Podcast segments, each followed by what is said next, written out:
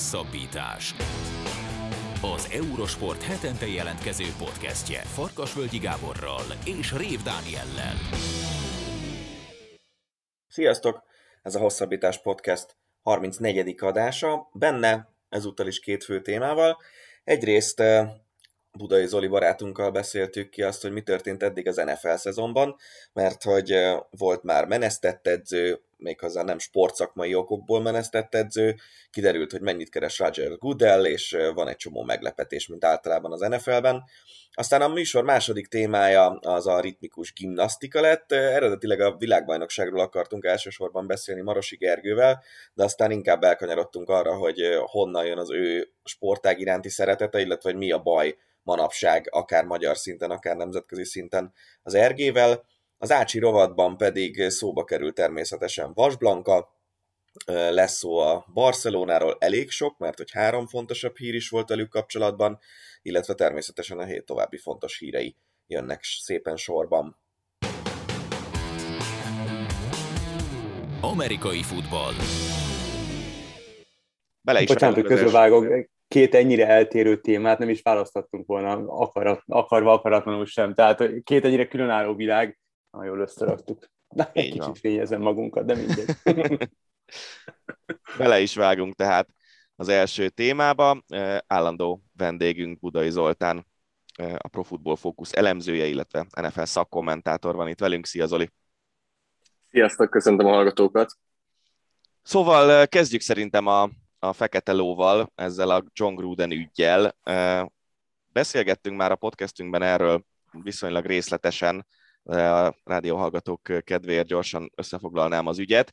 Az NFL-ben az egyik csapatnak a vezetőedzőjét menesztették, miután egy vizsgálat során olyan e-mailekre derült fény, amiket néhány évvel ezelőtt küldött még egy sportcsatorna szakértőjeként ez az edző egy másik csapat vezetőinek, menedzserének, és ezekben az e-mailekben szexizmus, rasszizmus, homofóbia, mindenféle volt, ami nem igazán fér össze az Amerikában mostanság gyakorlatilag mondhatjuk, hogy kötelezően képviselt elvekkel. John Grudennek mennie kellett, viszont a vizsgálat némi pénzbüntetéssel lezárult a washingtoni csapat ellen, amely ellen indult a vizsgálat, és amelynek a vezetőjének küldte John Gruden ezt a levelet, tehát gyakorlatilag az egyetlen személyi áldozata ennek az ügynek egyelőre John Gruden, miközben nem is a Las Vegas Raiders-t vizsgálták, ahol Gruden dolgozott. Számodra mi a tanulsága ennek a történetnek, vagy lehet egyáltalán ilyenről beszélni? Igen, nem vagyok benne biztos, hogy van itt igazából tanulság, de sokat mondó szerintem az, hogy ahogy te is említetted, az egyetlen személyi áldozata ennek Gruden, illetve az egyetlen információ, ami nyilvánosságra került, az szintén azok az információk, amik Gruden ellen vannak, vagy Grudennel kapcsolatosak. Tehát hiába a Washington futballtímmel, vagy akkor nevén még a Washington redskins kapcsolatban volt ez a nyomozás, róluk nem derült ki semmi, vagy azzal, azzal a nyomozással kapcsolatban semmi nem került nyilvánosságra. Úgyhogy ez egyértelműen nagyon hát visszás, hogy így mondjuk, tehát az NFL védi Dan Snyder tulajdonost a Washington futballtímnél, Tudjuk, hogy az NFL és az összes major liga tulajdonképpen Amerikában az a célja, hogy a tulajdonosokat védje szinte bármi áron, hiszen ők Roger Goodell commissionernek a főnökei, tehát neki az a dolga nagyjából, hogy az ő érdeküket érvényesítse, illetve védje. A másik dolog, amivel kapcsolatban én azt gondolom, hogy azért nyomatékosítani kell valamit, az az, hogy nagyon könnyen el lehet vinni ezt ebbe a cancel kultúra irányba, hogy kikerültek Grudenről ezek az üzenetek, és hogy akkor emiatt, emiatt menesztették. Én nem tenném. Értem, hogy nagyon sok ügyben ezt elő lehet venni, én itt abszolút nem tenném, mert itt egész egyszerűen arról van szó, hogy van egy olyan egyén, akinek képviselnie kell és vezetnie kell 53 játékost, és mellette még több edzőt, és akkor szurkolókról még nem is beszélünk. Tehát az, azt gondolom, hogy elengedhetetlen, hogy mindenki be tudjon állni a háta mögé, és mindenki akarjon vele dolgozni, és vele együtt dolgozni, és ilyen üzenetek után nem tudom, hogy hogyan menne be például Max Crosby az öltözőbe, aki a Las Vegas Raiders játékosa, és az egyetlen olyan NFL játékos, aktív NFL játékos, aki nyíltan vállalta a homoszexualitását napjainkban. Tehát eh, nem tudom, hogy hogy févez meg együtt, és hallottam egy nagyon jó hasonlatot például, hogy gondoljunk bele abba, hogy például Márko Rosszival kikerülne egy-egy ilyen üzenet, nem tudom, hogy Loik Négó mennyire szeretne a magyar válogatottban játszani utána. Tehát itt azt gondolom, hogy tényleg összeférhetetlen az, hogy ilyen üzenetek kikerülnek John Grudenről, és utána besétál egy olyan öltözőbe, amelyiknek a többsége fekete játékossal van tele, és ahol, ahogy említettük, homoszexuális játékos is van. Én láttam egy mémet az Instagramon, amely hát elsőre vicces, de aztán utána, hogyha egy picit belegondol az ember, akkor nem annyira vicces, ahol a, a Cowboys és a Patriots tulajdonosa, két, hát már, már nem középkorú, inkább, inkább idősebb, mérhetetlenül gazdag bácsi egymás tenyerébe csap, és, és egy ilyen kis szövegbuborékba az jön ki, hogy na, mekkora mákunk van, nem derül ki semmi, a Washington elvitte a balhét. Vagy bocsánat, Gruden elvitte a balhét. És valahogy ez az egész olyan jól szimbolizálja azt, amit te is mondtál, Zoli, hogy, hogy itt a, a, a, komisszári, a komisszár az, az, az védi a tulajdonosok érdekeit, és összezárt ez a kör, és semmit nem fogunk megtudni ebből az egészből, miközben biztos, hogy szinte mindenkinek a, a, van baj a füle mögött. Igen, a Washington Redskinsnél, vagy most már Washington Football Teamnél azért olyan gyanúk, illetve vádak merültek föl azért az elmúlt 5-10-15 évben, ami eléggé nyilvánvaló, hogy ha csak a fele, fele vagy mondjuk a 10%-a igaz, már az nagyon-nagyon rossz képet fest hát erről a franchise-ról. Az a csapat volt az, ahol, ahol megszellőztették, hogy a pompomlányokat szexuálisan zaklatták, és kvázi eszkortlányokként használták, kötelezték őket különböző undorító dolgokra, nem? Illetve ameddig nem tették meg, addig elvették az útlevelüket. Tehát itt zsarolással, tulajdonképpen fenyegetéssel érték el ezeket. És ebben az ügyben is teszem hozzá, hogy végül benne volt Gruden is, tehát hogy a, a Gruden e-mailek kapcsán is előkerült pont ez az ügy, amit te most említettél, mm. hogy ő is azt hiszem hozzá is eljutottak képeket a pompomlányokról. Tényleg egészen, egészen elképesztő sajnos az egész történet.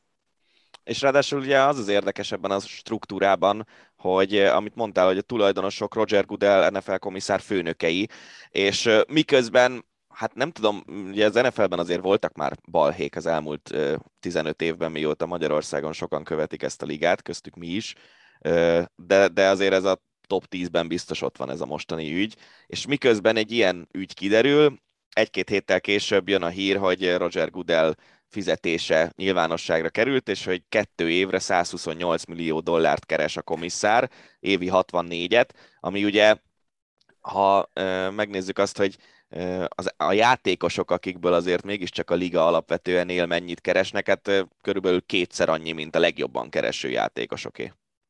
Igen, hát a, azt gondolnánk, hogy a liga a, a játékosokból él, de tulajdonképpen meg a tulajdonosok a komisszárból élnek, hogy a komisszár futtatja az egész NFL-t, ő fölépítette, és én ezt mindig próbálom kihangsúlyozni egyébként, hogy Roger Goodellnek azért nagyon megosztó, azt gondolom így a, a, a véleménye az embereknek Roger Goodellről nagyon megosztó, de én szerintem egy összességében nagyon jó komisszárról beszélünk, aki nagyon-nagyon sokat tett az NFL-et. Tehát, hogy megnézzük, hogy amióta ő van az NFL élén, mekkorát nőtt a népszerűsége az NFL-nek, mind az Egyesült Államokban, mind nemzetközileg, mennyivel tényleg egy magasabb szintre került az NFL, ami lehet, hogy 2005-ben el sem képzeltük volna, hogy magasabb szintre tud menni, de ott tartunk jelenleg, hogy egy olyan műsor, amelyik csak arról szól, hogy bejelenti, hogy az NFL-ben melyik csapat mikor, kivel fog játszani. Tehát amikor a sorsolás bejelentik, annak nagyobb a nézettsége, mint mondjuk egy NBA döntőnek Amerikában. És ez eléggé sokat elmond arról, hogy Roger Goodell hova vitte ezt a ligát. E, nyilván ezt szerintem mondhatjuk, hogy, e, hogy abszolút nem tiszta a keze minden ügyben, de ezért fizetik őt a tulajdonosok, mert tulajdonképpen a munkáját én azt gondolom, hogy ilyen szempontból mondhatjuk, hogy olyan jól elvégzi, mint a legjobb NFL játékosok elvégzik a saját munkájukat. Ez egyébként egy nagyon érdekes szempont, amit említesz, a nézettség hogy tényleg a, a, az Egyesült Államokban a leges legnézettebb műsorok, és most itt nem sportműsorra korlátozom, hanem tévéműsor mindig, minden héten gyakorlatilag az NFL-nek a kiemelt főműsoridőben megrendezett mérkőzései, és többen néznek egy random alapszakasz meccset, mint mondjuk a baseball döntő meccseit, vagy az NBA döntő meccseit. Szóval az biztos, hogy ilyen szempontból Goodell egyértelműen magasabb szintre helyezte ezt a ligát, mint, mint ahol volt korábban. Na de térjünk rá magukra az eseményekre. Nyolc fordulón vagyunk túl, Ugye az új lebonyolítási rendszernek köszönhetően 18 hétből áll az alapszakasz, úgyhogy egy héttel vagyunk a, a félvonal előtt úgymond, de azt hiszem, hogy azért most már elég sok tapasztalattal, meg adattal a hátunk mögött értékelhetünk. Számodra mi a szezon eddigi legnagyobb meglepetése, vagy melyik csapatnak a, az akár negatív, akár pozitív szereplése? meglepetésből igazából kifejezetten sok van, mind pozitív, mind negatív irányba, és ettől egy nagyon izgalmas évünk van.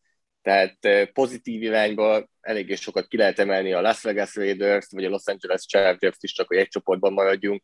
Negatív meglepetésként, még akkor is, hogyha nem negatív mérleggel állnak, de mind a Kansas City Chiefs, mind a Cleveland Browns egy kicsit szerintem a várakozásokhoz képest minimum visszafogottan teljesített a másik konferenciáról beszéljünk, akkor ott azért az Arizona Cardinals talán eddig a legnagyobb meglepetés, amelyik a legtovább volt veretlen a ligában, és ugye csak múlt csütörtökön veszítette el a veretlenségét.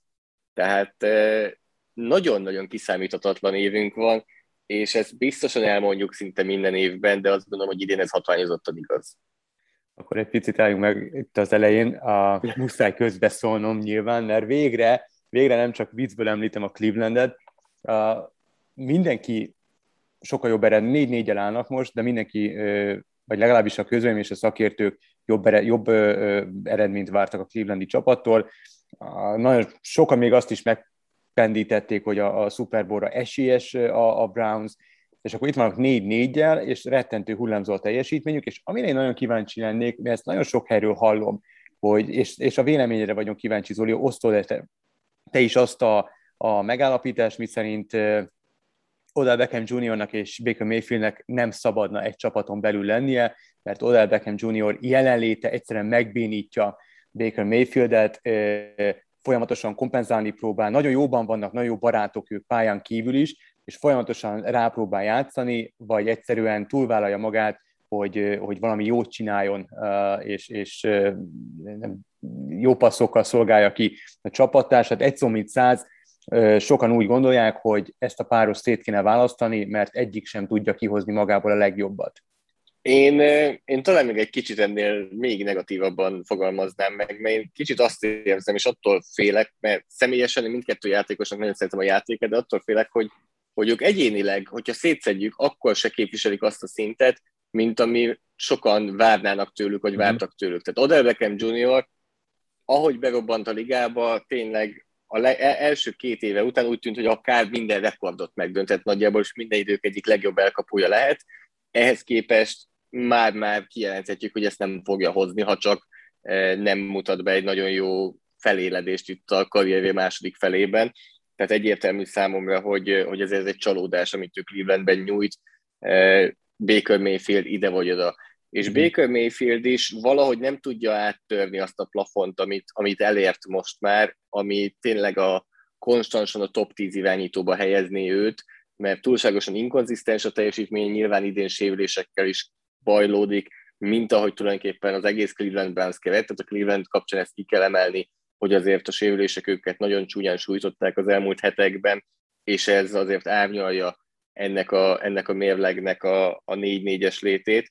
Tehát én azt gondolom, hogy mindkét játékosnál fontos lehet, és nyilván az amerikai sajtó nagyon szeret, nagyon szereti ennyire, ennyire fókuszba helyezni a dolgokat, és ennyire sürgőssé tenni a dolgokat, de tulajdonképpen a szezon második fele mindkettejüknél kulcsfontosságú lehet, hogy bebizonyítsák, hogy mind együtt tudnak-e játszani, illetve hogy külön-külön tényleg annyira jó játékosok-e, mint amennyire sokat beszélnek róluk.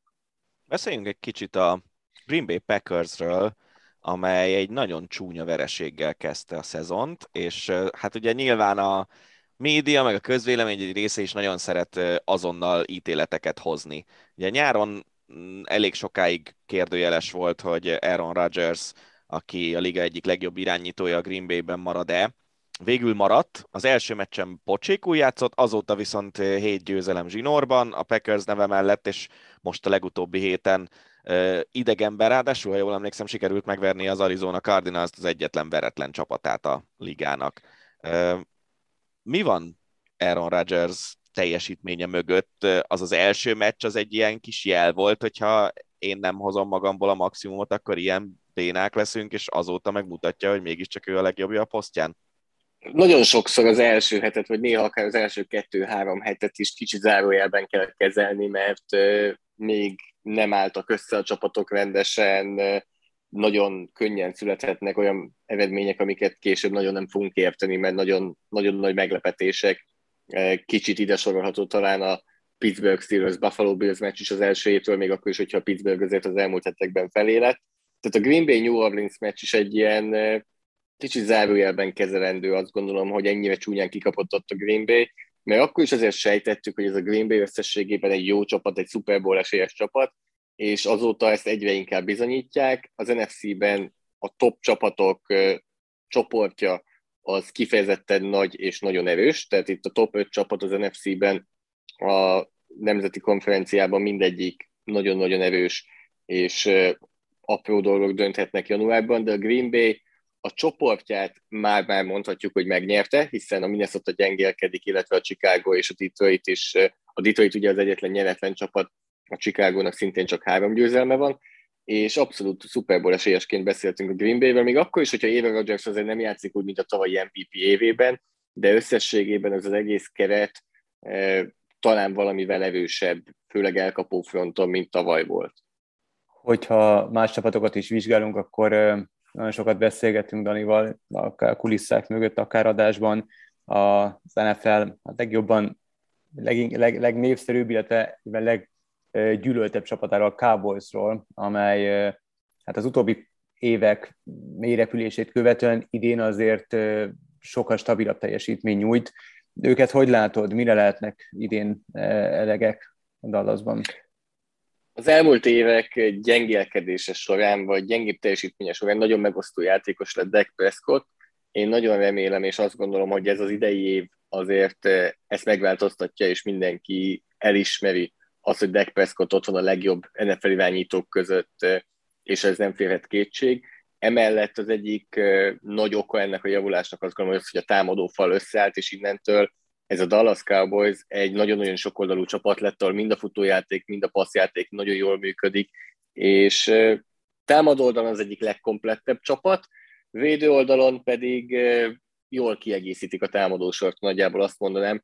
Ugye a Dallas Cowboys védelmében játszik Trevon Dix is, akinek a legtöbb interceptionje van idén az NFL-ben, azért ez nagyban hozzájárult ahhoz, hogy néha kult szituációkban a védelem meg tudott csinálni egy-egy nagy játékot, de ugyanakkor nagy játékok benyelésére is alkalmasak, viszont ez a támadósor szerintem mondhatjuk azt, hogy bárkivel meccsben lehet, és meccsben lesz, és tulajdonképpen náluk ugye ugyanaz a helyzet, mint a Green Bay Packersnél, hogy a legelső meccsen kikaptak, igaz, nekik az a címvédő Tampa Bay Buccaneers ellen volt egy nagyon izgalmas, szoros, kiélezett meccsen, és azóta az összes találkozójukat megnyerték, még a hétvégén is, amikor az előbb említett irányító Dak Prescott nem játszhatott sérülés miatt.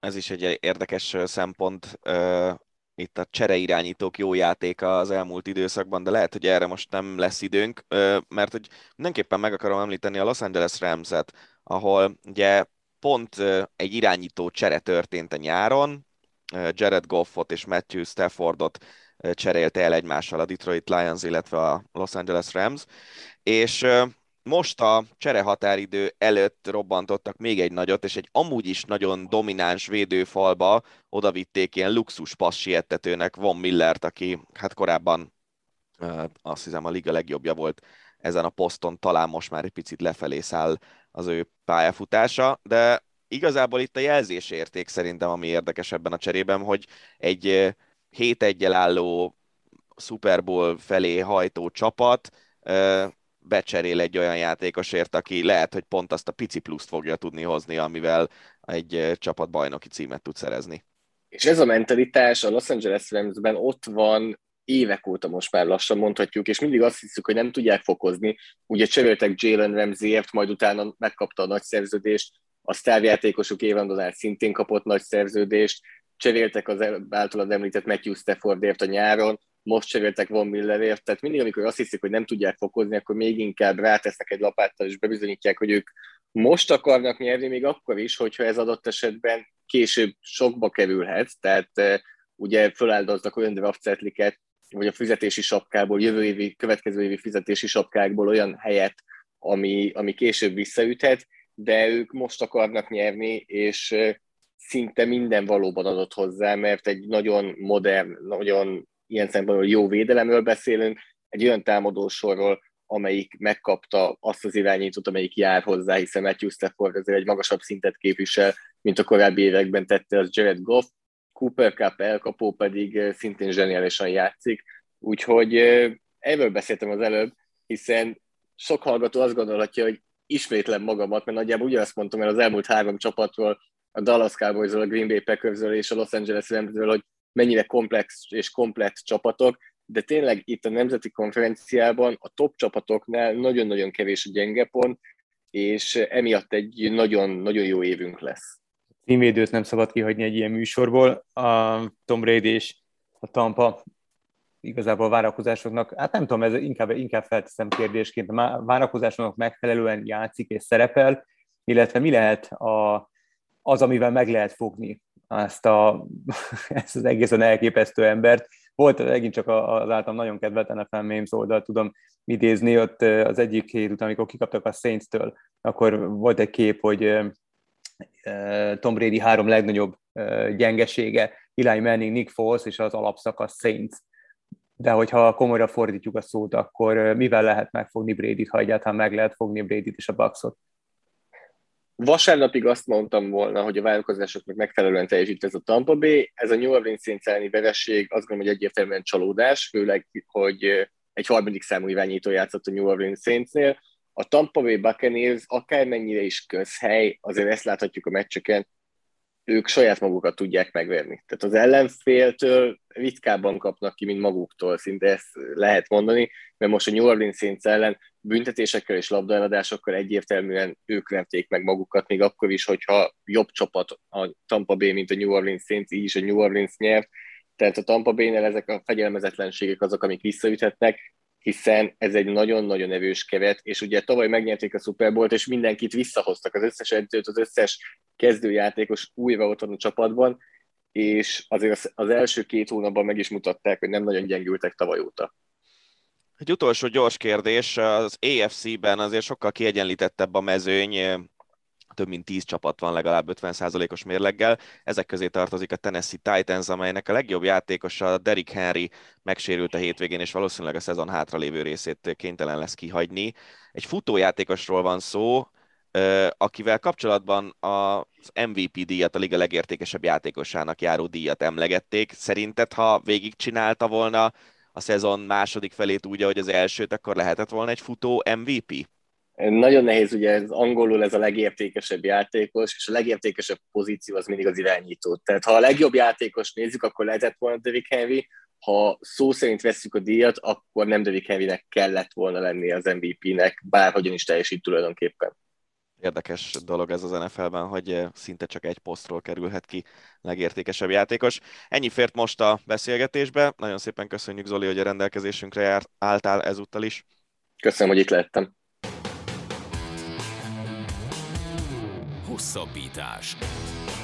Az Eurosport hetente jelentkező podcastje.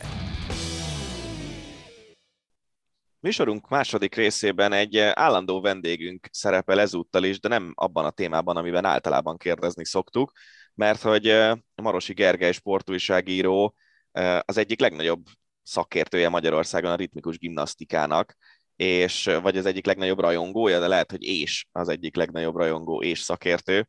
Szóval az elmúlt héten rendezték a ritmikus gimnasztika világbajnokságot Japánban, és erről szeretnénk beszélni Gergővel. Szia!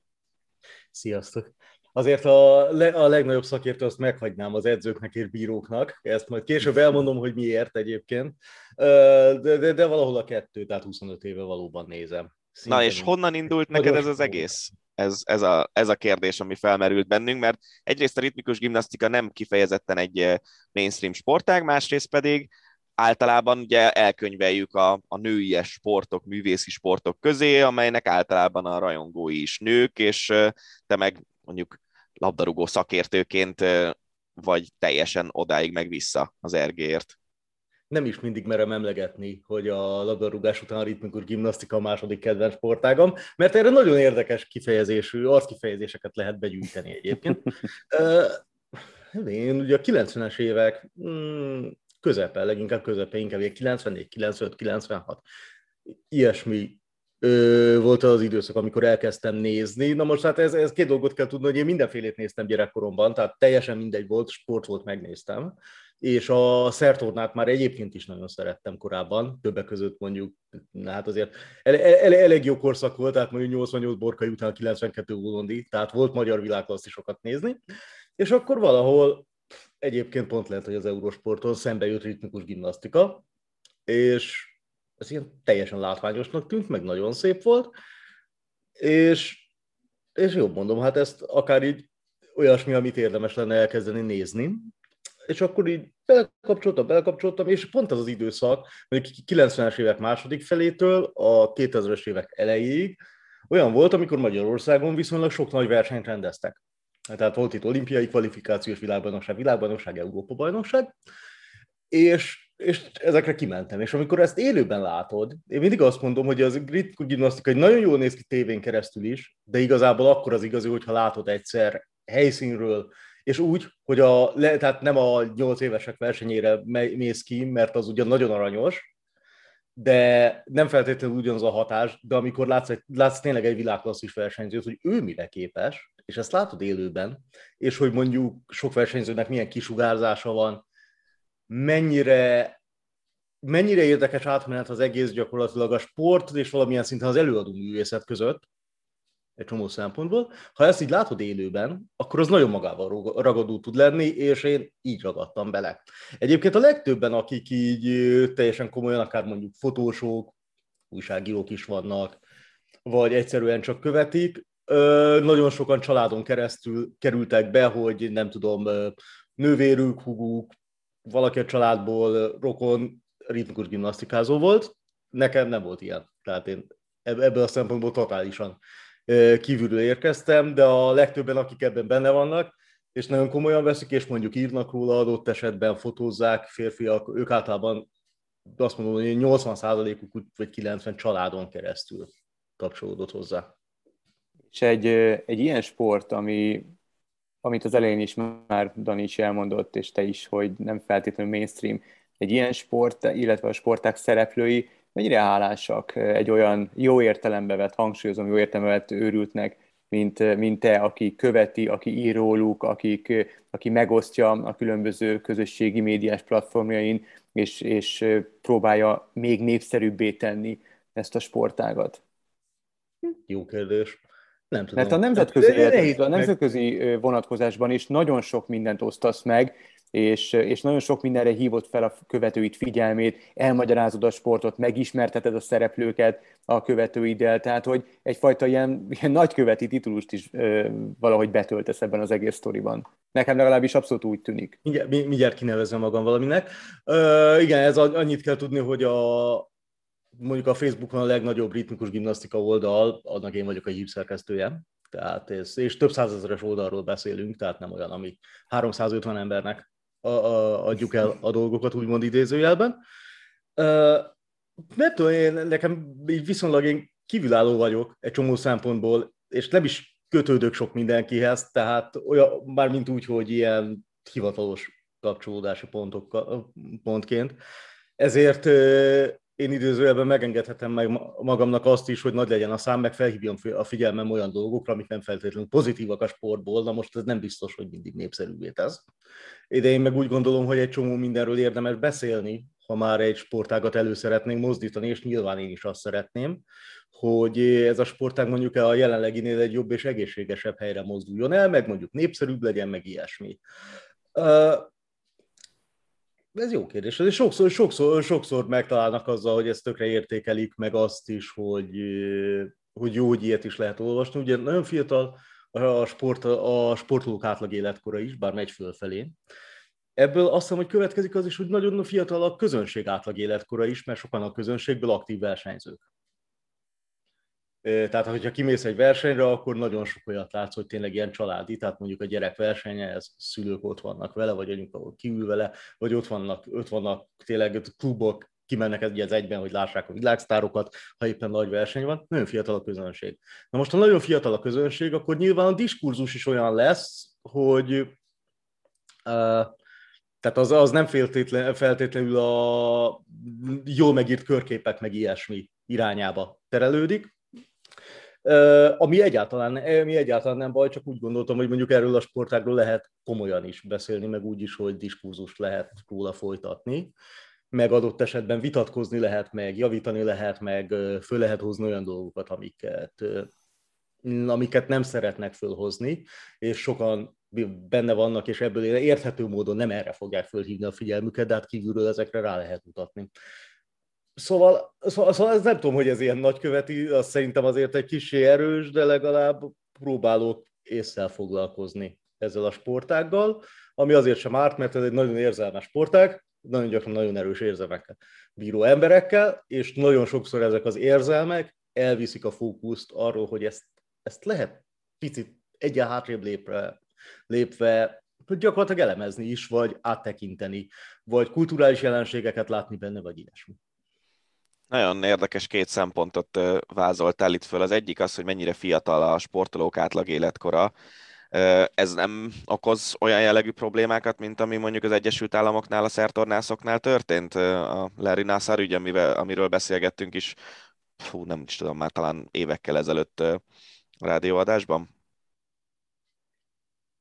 Hát nézd, ez olyan, hogy én szerencsére ilyenbe még nem estem bele, és nem is nehéz, nehéz, mert eleve ugye csak nő is, a két olyan nyári olimpiai sportág egyike, amelyben csak nők versenyeznek, hivatalosan magas szinten. Van férfi ritmikus gimnasztika, ez messzire vezet, de a férfi ritmikus gimnasztikának nincsenek csúcsversenyei, tehát férfiakat nem látsz Európa-bajnokságon, világbajnokságon, olimpián. A szinkronúszás meg a, a ritmikus gimnasztika a két sportág, ami csak női most az olimpiai programon. Na most, ez egy alapvetően női közeg. Most ide bemész férfiként, ráadásul fiatal nők vannak benne. Ez nyilván olyan szempontból nagyon óvatosnak kell kommunikációban mindenfélében lenni mindenkinek, hogy véletlenül se legyen az, hogy a gyanú árnyéka rád vetődik, hogy te azért vagy ott, uh-huh. hogy nem tudom, ö, egy ritmikus gimnasztikázót vegyél el, vagy stb., ami nyilván abszolút sport szempontból nézem, tehát olyan szempontból nem, nem, nem is szokott fölvetődni bennem, hogy, hogy sportolót látok benne. Sportolót látok benne, sportot látok benne. Nem azért nézem. És, de hát nyilván ez, ez teljesen természetes, hogyha ilyen a közeg, akkor ez, ez azért okozhat konfliktusokat is akár, és azt is ostobaság lenne elhallgatni, hogy nem volt korábban már probléma, ilyen probléma, mert korábban is volt probléma. Tehát volt olyan, volt például olyan videós, aki egy gyakorlatilag néhány ismerős, ami benne volt egy magányomozási folyamatban, aminek a végén az, le, az derült ki, hogy a videós az hát bizony, bizonyos FBI listákon körözött személyként és távoltartott személyként volt nyilvántartva, és nem biztos, hogy ő azért videózott, mert hogy a ritmikus gimnasztika videózásból szeretett volna megélni. Tehát ilyen, erre, erre, erre lehet mondani azt, hogy van. Ezzel nem lehet mit kezdeni. Tehát az, azt, ne, azt nem csinálhatod meg, hogy kizársz valakit, vagy valakiket, vagy egy egész nagy követ egy sportból, főleg, hogyha népszerűsíteni akarod. Az a mi felelősségünk, hogy mi úgy viselkedjünk, hogy ez a közeg mondjuk elfogadjon, és azt lássa, hogy mondjuk, hogyha tudással, meg tisztelettel közelítenek feléjük, és még platformot is adnak nekik, vagy növelik a láthatóságát a sportágnak, adott esetben segítenek népszerűsíteni a sportágat, akkor azért valószínűleg elfogadnak, mint ahogy nagyon sok például, nagyon sok férfi fotós van, aki a ritmikus gimnasztikában dolgozik, és abszolút elfogadottak, sőt, nagyon népszerűek, sőt, népszerűek, tehát nincs olyan, nincs olyan ritmikus gimnasztikáról író újságíró, aki valaha annyira népszerű lehetne, mint a sportága specialista szinten foglalkozó fotósok, Na most ebben az az érdekes, hogy mind a fotósok, mind mi őrültek vagyunk, ahogy egyébként mondtad is, tehát mi általában a saját pénzünkön járunk az eseményekre, nem úgy, hogy gyakorlatilag az azt mondom, hogy a legnagyobb kasza az volt, amikor egyszer visszajött a repülőjegyem abból, amit ismeri a gimnasztika világbajnokságban, de ahhoz kellett egy magyar, dö- ahhoz kellett egy magyar döntő, tehát ezúton is köszönöm Pignicki Fanninak. Az, az, azt, azt, azt, a döntőbeli szereplést, mert itt többet lehetett írni, és ergo, de, de hát gyakran, gyakran ez sincs. Tehát ez egy olyan dolog, amin én is saját költségen járok, a fotósok nagy többsége az nem mondjuk egy szövetség, alkalmazottja vagy egyből él, vannak akik egyébként igen, de a legtöbben a civil munkájuk mellett ez nekik egy hobbi, ők tényleg pénzt abszolút nem kimélve járnak, feláldozzák a szabadidejük egy részét, hogy fotózni tudjanak egy olyan sportágon, amit nagyon szeretnek. Tehát ez nagyon érdekes, ez az egész körüli közösség, ebben a, ebben a sportágban, hát mondjuk ki nincsen nagyon pénz, vagy akkora pénz nincs. És a... mondjuk a sportolóknál ez hogy néz ki? Tehát említetted Pignicki Fannit, ugye, aki most 14 lett a világbajnokságon az egyéni összetett versenyben, ami hát azért nyilván egy komoly, magas szintű teljesítmény ami, tőle. Ami egy másfél évtizeden nem látott jó eredmény, tehát Így van. Magyar, magyar versenyzőtől. Szóval, hogy ő például megél ebből? Hát ezt Fannitól kéne megkérdezni. Neki ő nyilván, tehát olimpikon, sport, olimpikon sportolóról beszélünk, aki hosszú évek óta nagyon magas szinten teljesít, most jutott be a második világbajnoki összetett döntőjében, ami nagy szó, tehát Magyarországon körülbelül jelen pillanatban az a reális maximum egy egyéni versenyzőnek, hogy világbajnoki döntőbe jut, és kvalifikálja magát az olimpiára, és az utóbbi a legnagyobb bravúr. Tehát az, annyira kevés hely van, a világbajnokságon úgymond sokkal könnyebb bizonyos szempontból, bár nagyobb a mezőny, az olimpiai kvalifikáció brutálisan nehéz.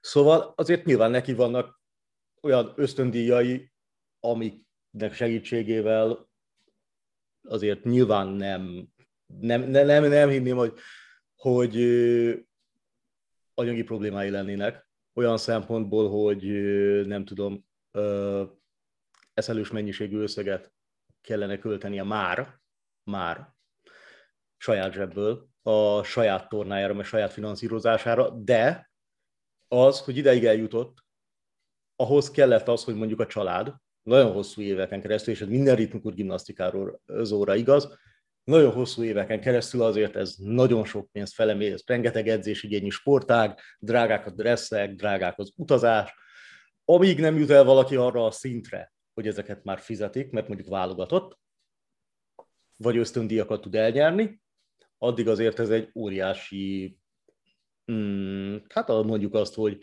óriási megterhelés azért szerintem egy családi büdzsének nagyon sokszor.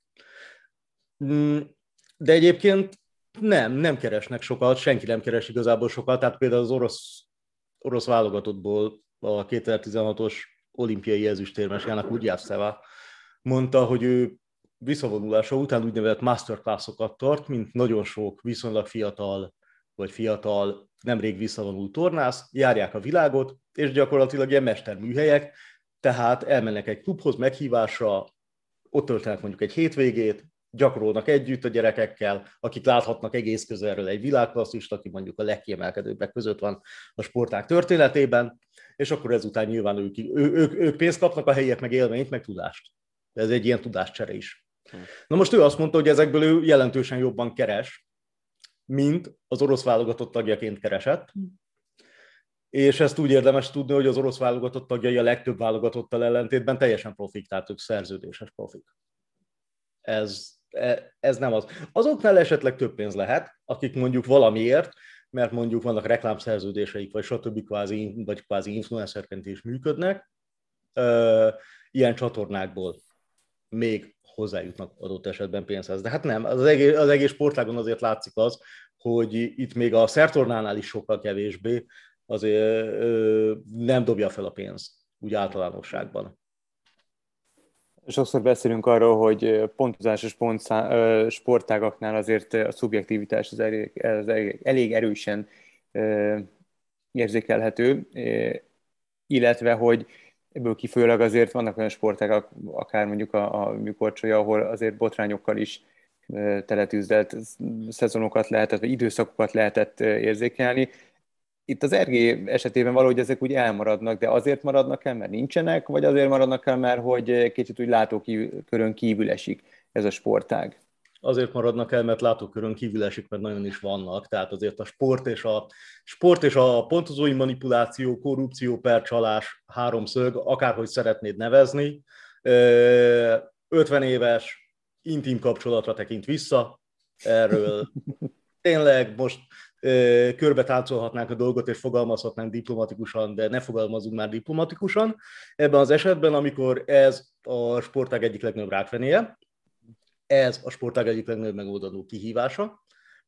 Ha egyszer a sportág a sírba szenderül, akkor az lesz a sírkövére fölírva, hogy a dolgok mindig is így működtek, ami igaz, csak nem biztos, hogy a dolgoknak mindig így kellene működnie a továbbiakban is. Szóval igen, például az olimpia után gigantikus botrány volt, mert hogy az izraeli Lina Yashra megnyerte az olimpiát, ami nem volt százszázalékig meglepetés, de azért meglepetés volt. Elvitte az aranyat az oroszok elő, és hát az oroszok azóta nem látnak a dühtől, és nem tudom, az égen földön elvitték, az állami dumában is felszólaltak, Putyin is verte az asztalt, hogy mégpedig itt elcsalták az orosz, egyébként nem csalták el az orosz aranyérmet. A Nemzetközi Tornaszövetség megvizsgálta a, a bírói tevékenységet, és azt mondta, hogy minden rendben volt, na most ezek után.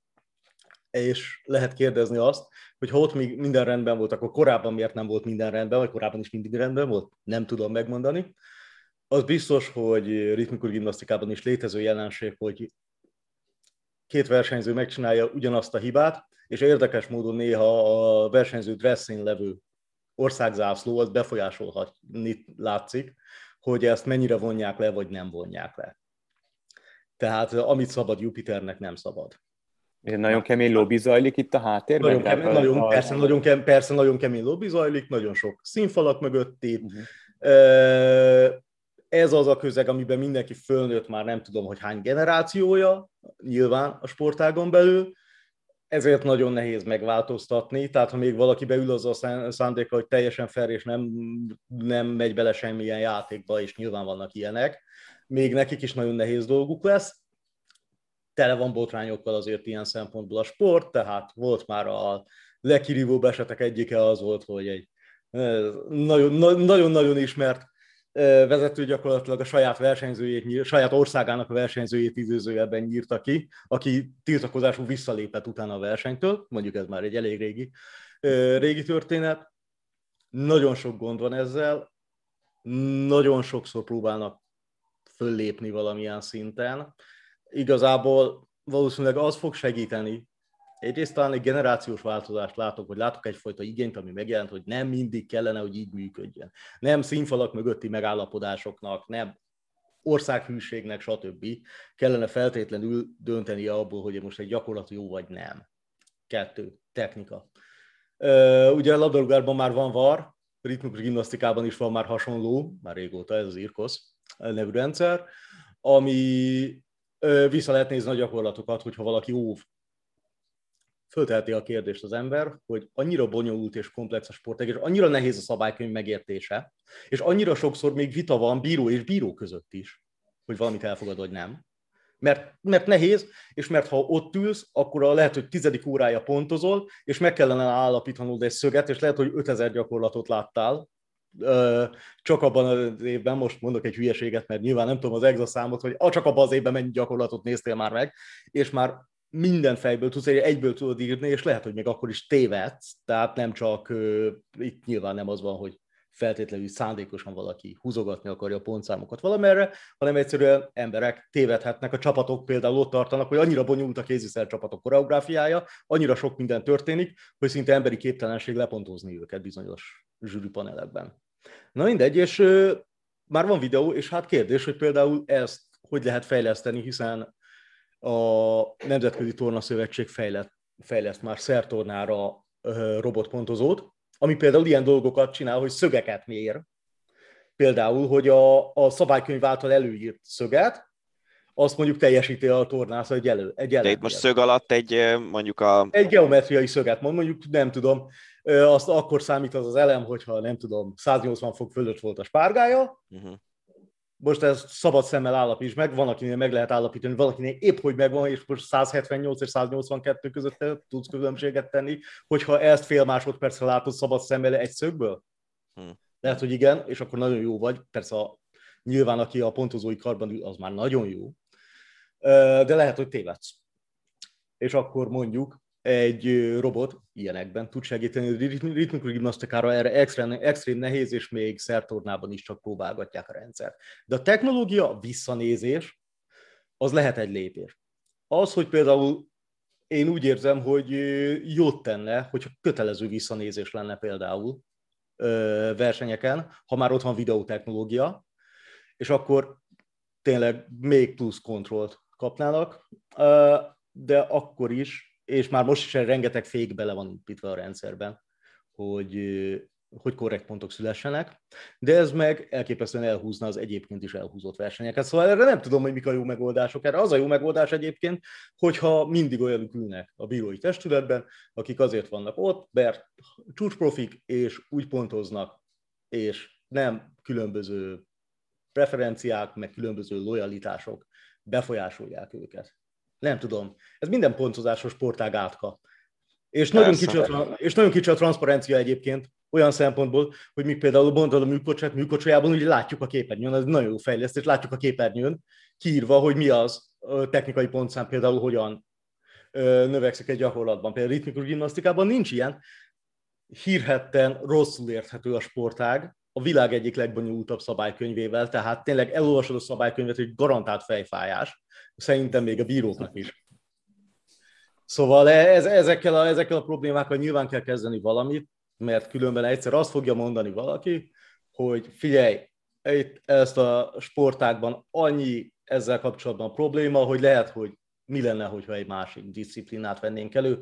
Tornából azért van még néhány olyan disziplina, ami nem olimpiai sportág és szeretne oda kerülni. És van olyan, ami exakt módon mérhető, és már a Nemzetközi Torna Szövetség alatt van, like Last Parker például. Hm. Ráadásul az jól illene a Nobnak a fiatalokat megcélzó Jó, kezdeményezésébe is. Ácsi. A hét legérdekesebb hírei. Elkezdjük az Ácsi rovatot. Meglehetősen ritkán fordul elő az, hogy nem egy labdarúgó hírrel kezdünk, de most azért elég nagy dolog történt a hétvégén. Vas Blanka ugyanis megnyerte az első világkupa, Cyclocross világkupa futamát a hétvégén, vasárnap, Over Ice-ban, ami még a Cyclocross világkupán belül is egy ilyen kiemelt állomásnak számít, szinte alig-alig volt olyan igazán jó cyclocrossos, talán két nevet lehet mondani, akik kihagyták azt a versenyt, amit Blanka megnyert. Érdemes volt hallgatni az angol adást, hogy mennyit beszéltek az angol kommentátorok, akik végig közvetítik az egész cyclocross szezont, arról, hogy Blanka meg Puck Peters a holland lány, aki még nála is fiatalabb, amúgy 2002-es Blanka, 2001-es születésű, mennyire ügyesek voltak technikailag mindketten olyan kerékpárosok, akik tudnak egy kézzel egy kerekezni, ami azért elég kemény, mert hogy egy hm. kézzel fogja a kormányt, és közben egy kerekezik. Azt a mindenit. Szóval ügyes, ügyes lányok, és hát Blanka borzalmasan erős volt, jó formában volt, kihagyta az a heti másik belgiumi világkupát, ezt a Zonhofenit, ami egy olyan pálya, ami nem annyira feküdt volna neki, és tényleg marha ügyes volt, volt olyan emelkedő, ilyen meredek, rövid fal, ami, amit egyedül ő próbált meg az élmezőnyből kitekerni, aztán ötből kétszer, kétszer nem sikerült, háromszor igen, tehát hogy nyerekben maradva följönni a, a falon, nem pedig leszállva a bringáról föltolni. Szóval elég, elég durva, és ja, hát már sokat sokat dicsértük Blankát, meg még fogjuk is sokat. Igen, elképesztő a teljesítmény. Én csak azt remélem, hogy itt a, a fokozott média érdeklődés mellett valakinek arra is lesz ideje, ereje, a hajlandósága, és remélhetőleg egy olyan személy, akiben Blanka bízik, és szeret, hogy erre úgy fölkészítik, mert most tele van vele a sajtó, most mindenki őt keresi, és én feltételezem, hogy ehhez azért nehéz hozzászokni, meg ő, ha jól tudom, nem is feltétlenül az a nagyon szereplős típus, aki úgy, úgy szereti a, a Rivalda fényt, úgyhogy remélem, hogy odafigyelnek rá. Hát én nem sokat beszélgettem vele így személyesen, de, de mondjuk, mit tudom én, Instagramon szoktunk csetelni néha, meg ilyesmi, nekem nem tűnik úgy, hogy ez nála probléma lenne. Uh-huh. Nekem, ja, nekem tényleg van egy olyan érzésem, hogy ő, ő nagyon szeret bringázni, látja most már, abban biztos vagyok, hogy látja azt, hogy ő, ő belőle nagyon nagy sztár lehet, olyan sztár, aki, aki ebből megélhet, pedig ugye nőknél azért ez egy nagyon szűk réteg, aki profi kerékpárosként meg tud élni, és igen, én szerintem ez egy, ez egy tök jó együttállása a dolgoknak. Hát és aztán a másik bringás ír, hogy őre Magyarországról rajtol a Giro, ez is nagyon örömteli. Hát igen, ez ugye erről nehéz nekem beszélni, mert nem tudom, hónapokkal ezelőtt igazából ezt már lehetett tudni kvázi, uh-huh. csak még nem volt teljesen nyilvános a dolog, és igazából ugye most sem nyilvános még abból a szempontból, hogy hát kiküldték a meghívót a sajtónak, hogy Budapesten lesz a nagy rajt bemutatója. Nyilván ebből már tudjuk azt, hogy Magyarországról fog rajtolni, de a szakaszokat még pontosan nem tudjuk. Így kedden, amikor beszélgetünk, mire mire a podcast kikerül majd a honlapra, addigra már nagyon közel leszünk ahhoz, hogy majd tudni lehessen. Szóval ez nagyon várható volt, itt igazából nincsen, nincsen kérdés, hogy a Magyarország kifizetett egy licencdíjat, kifizetett ilyen-olyan költségeket, amik erre vonatkoznak. Egyértelmű volt, hogy amint a, a vírus helyzet lehetővé teszi a külföldi rajtot, akkor jönni fog Magyarországra a Giro, 22 lett belőle az a nagyon érdekes, hogy még amikor az eredeti időpont volt 2020, és előtte nyáron, 19 nyarán, amikor Peák Barnát bejelentette a Michelton Scott akkor még, mint profi magyar versenyző, első profi magyar versenyző, ugye Szekhalmi Bálint óta, akkor Steven Roach, aki azt hiszem Giro-t is nyert, a 80-as évek nagy írversenyzője, aki hát legalább részben Magyarországon él, de azt úgy tudom, hogy az év többségében, tehát nagyobb részt van itt, mint, mint otthon Írországban, vagy máshol.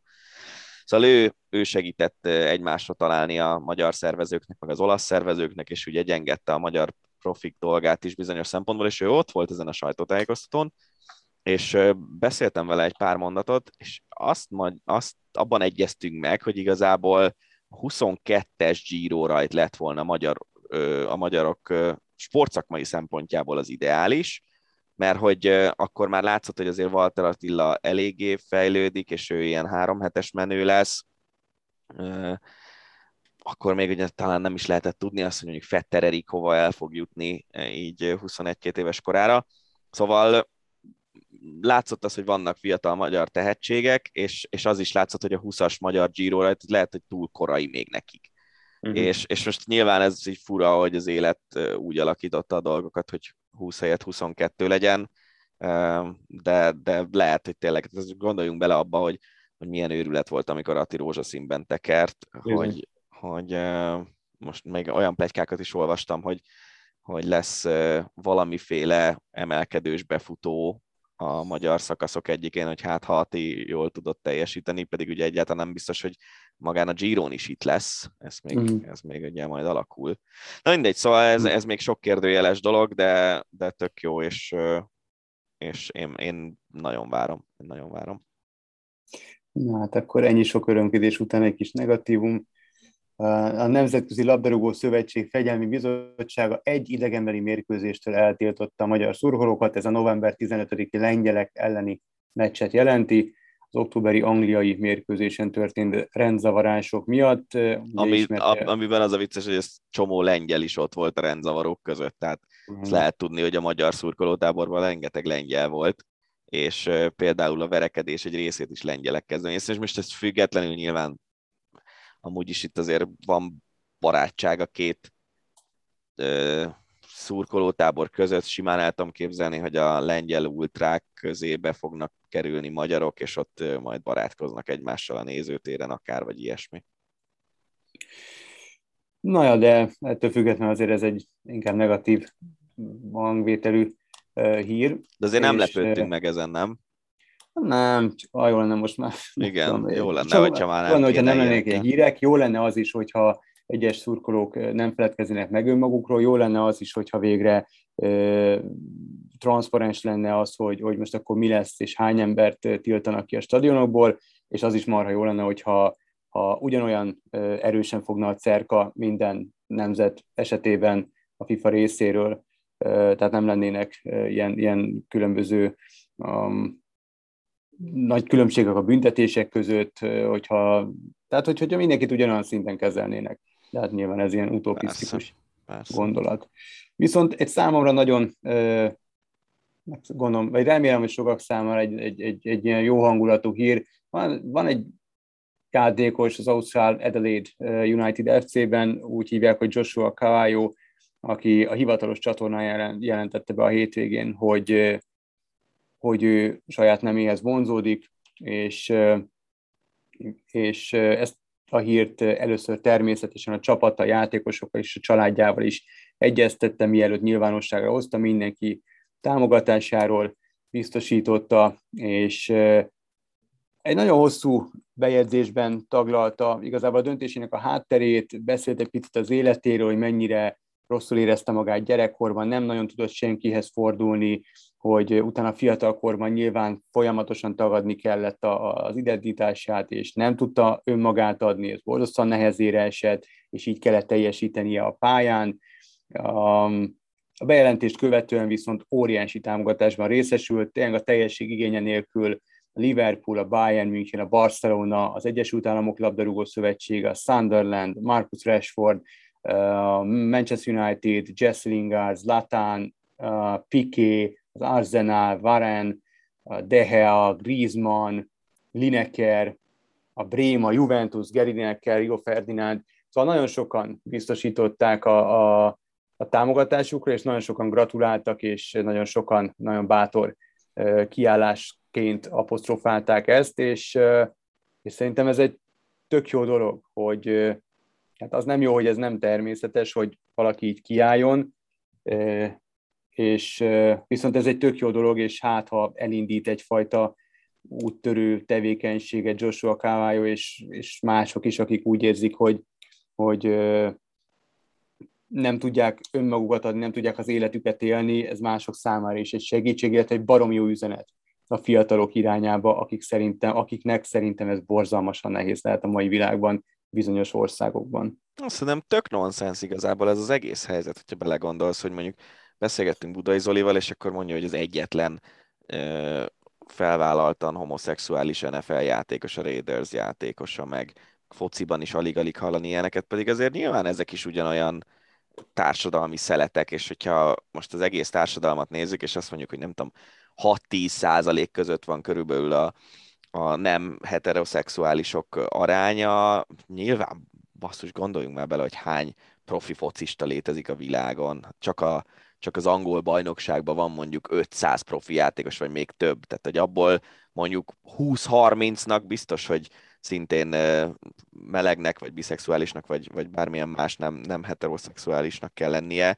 Csak egész egyszerűen olyan a közeg, ami körül te azt mondom, Nyugat-Európában egyre kevésbé, nálunk még azért nagyon erősen, ahol, ahol ezeket a dolgokat nem vállalhatják föl. De hát én, én mindig afelé terelném a társadalmat, hogy mindenki fogadja el a másikat olyannak, amilyen, és ne, nehogy már ilyen dolgok döntsenek. Hogyha emellé egy jó ember, akkor szeressük, hogyha nem jó ember, akkor meg ne szeressük.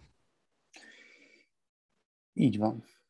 Csak csatlakozni tudok mindehez. Egy kis Lionel Messi egy interjúban kijelentette, hogy vissza szeretne térni a Barszához, persze csak pályafutása végén, és imáron sportigazgatóként, hogy segítse klubját. Tehát most el kéne ott egy, egy egyrészt népszerű, másrészt egy szaktudással rendelkező valaki, most nem tudom, hogy a Messi ilyen témában mennyi szaktudással rendelkezik, de hogy népszerű lenne, az biztos, mert hogy ott azért most Barcelonában elég nagy a katyvasz. Hát nekem nem mond. Pont azon gondolkoztam magamban, hogy egy El Classicón néhány évvel ezelőtt még úgy állt fel a Barca, mondjuk, hogy Messi, Suárez, Neymar a csatársorral, most meg Dest, Depay, Ansu Fati, meg, meg Aguero, meg nem tudom, tehát jó, Aguero egy nagy formátumú játékos, de azért egyértelműen leszálló ágban van, és ráadásul most ez a ez a szívritmus zavar, ami, amiről majd Igen. fogunk részletesebben beszélni, ez nyilván egy, izé, egy elég kellemetlen történet. Szóval, szóval igen, tehát hogy azért itt maga Messi se ártana pályára a Barcelonában. Nem. Nyilván. Olyan még úgy sem volt, hogy játékos sportigazgató. Játékos edző van, játékos sportigazgató. Hát igen, tudod miért nem volt még? Mert a sportigazgató állapodik meg a játékosokkal a fizetésükről, nem? És hogy igen, én ezt szívesen vállalom ezt a szerepet, akkor sportigazgatóként keresek mert egy millió eurót évente, játékosként pedig százat, vagy igen. ezret, vagy nem tudom. Na mindegy, szóval igen, én azt hiszem, hogy azt hiszem, hogy Messi bármikor vissza fogják hívni, de nem vagyok benne biztos, hogy ő sportigazgatóként kimagasló tudna nyújtani. Sőt, Na, még maradjunk egy ellenére tippelnék. Mm. Igen, maradjunk egy picit még a Barszanál véget ért a Kumanéra.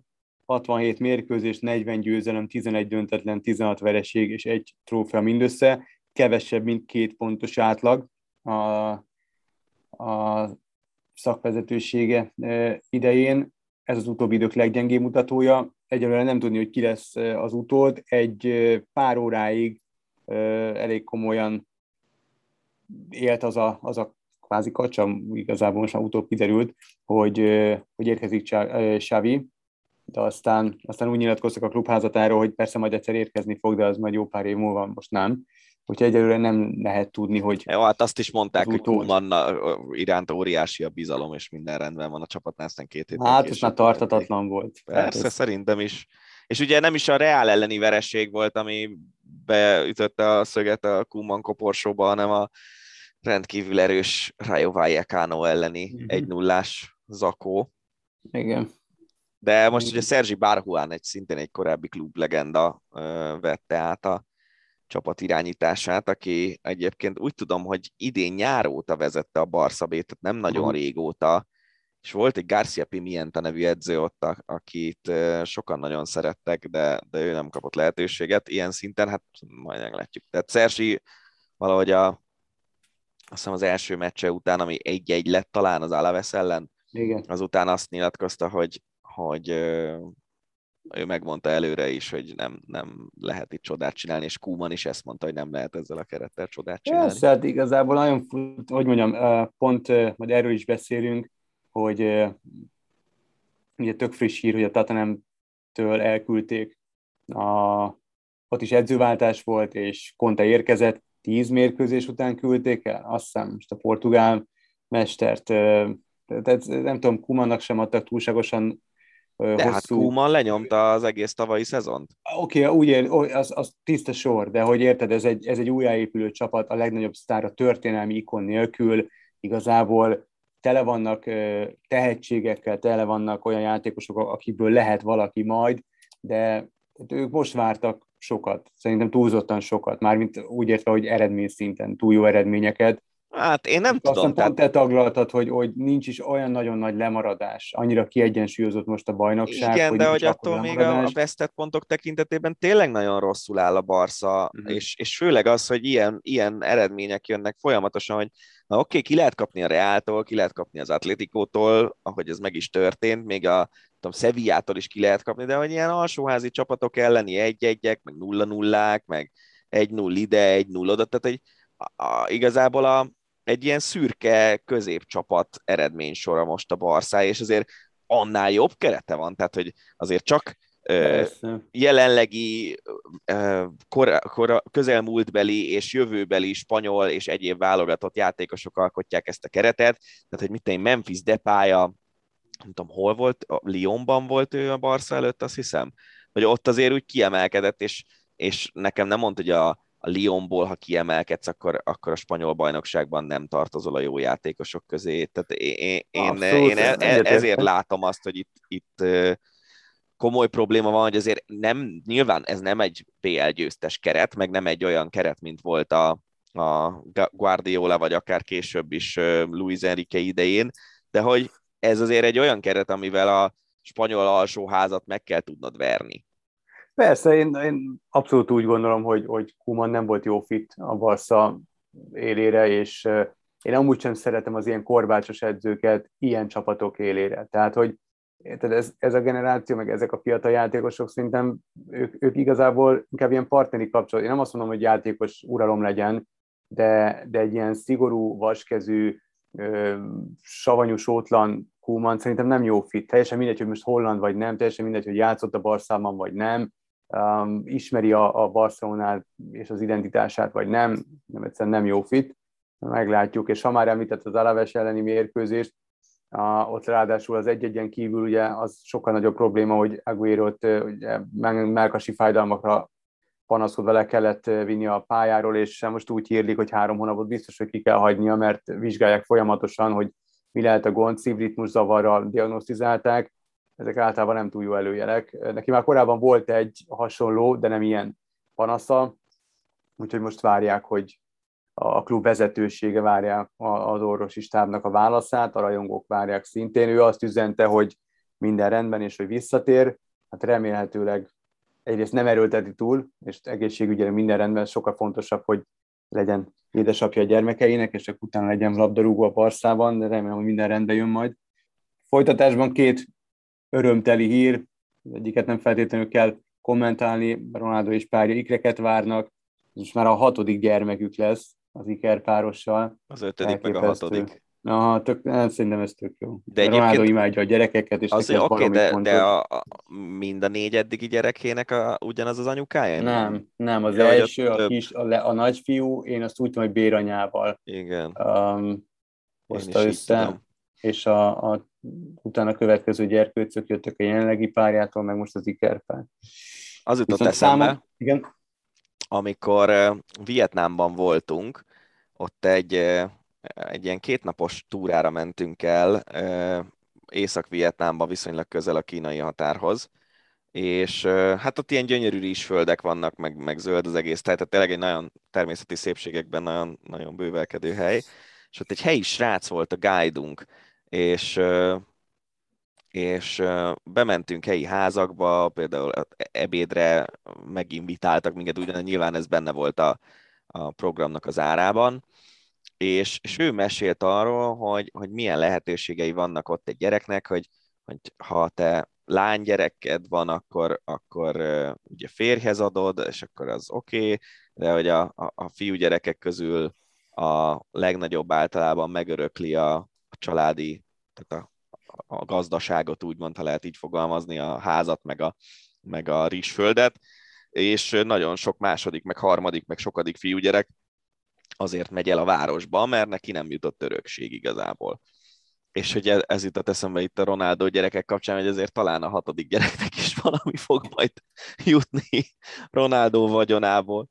Nem kell elmennie dolgozni valami boltba. Tőlem kell félni, Igen. gyanítom arra vagyok kíváncsi, hogy kiörökli majd ezt a mérhetetlen talentumot.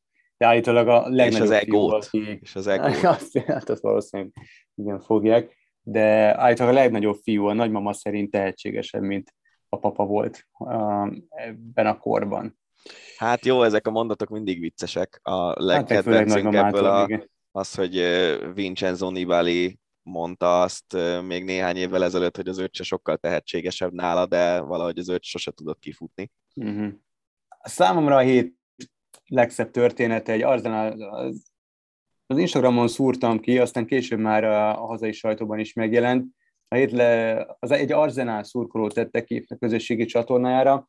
Autista kisfiával mentek a csapat legutóbbi hazai meccsére, Leeds elleni találkozóra, Először próbálták ki ezt a fiúcskával, nem tudta az apa, hogy a gyermek hogy fog reagálni a mérkőzés, a körítés, a hangzavarra, a tömegre, mindenre. 50 ezer néző között foglaltak helyet, és hát az első félidő vége felé a gyermek már nem annyira érezte magát kényelmesen, és azért az apuka úgy döntött, hogy akkor inkább hazafelé veszik az irányt, viszont kifele menet egy Stuart megkérdezte, hogy miért mennek el, és az apuka elmondta a döntést hátterét, egy perc türelmet kért ez a segítő, ez az Arsenal dolgozó, majd egy szoba felé imitálta őket. Kiderült, hogy az Emirates stadionban van egy különleges, nevezett zajmentes szoba, hangszigetelt, és különleges nyugtató fényekkel, meg játékokkal van ellátva, gyermek ülőalkalmatossága, gyerekjátékokkal, stb. stb. És ott tudták végignézni a mérkőzést az apuka, illetve a kisfia és ezt megosztotta a, az Instagram csatornáján, és hát le a kalapra az Arzenál előtt. Ez, ez nagyon, ez nagyon, nagyon, nagyon szép gesztus szerintem.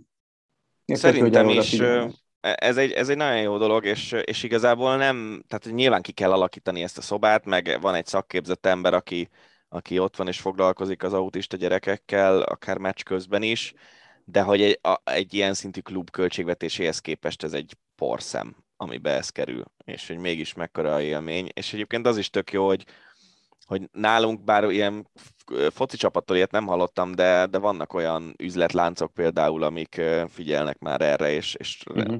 vannak ilyen csendes órák, úgymond, amikor, amikor lejjebb veszik a fényeket, nem szól a zene, meg ilyenek, és akkor sokkal, hogy mondjam, kevesebb ingerrel tudnak vásárolni uh-huh. azok, akik ez, ezek az ingerek nagyon zavarnak, úgyhogy ez jó dolog, és tényleg ez, ez nem egy nagy összeg egy ilyet megvalósítani. Történelmi mérkőzése kerül sor decemberben, ugyanis az Egyesült Arab Emírségbeli labdarúgó csapat első alkalommal lép pályára Izraelben.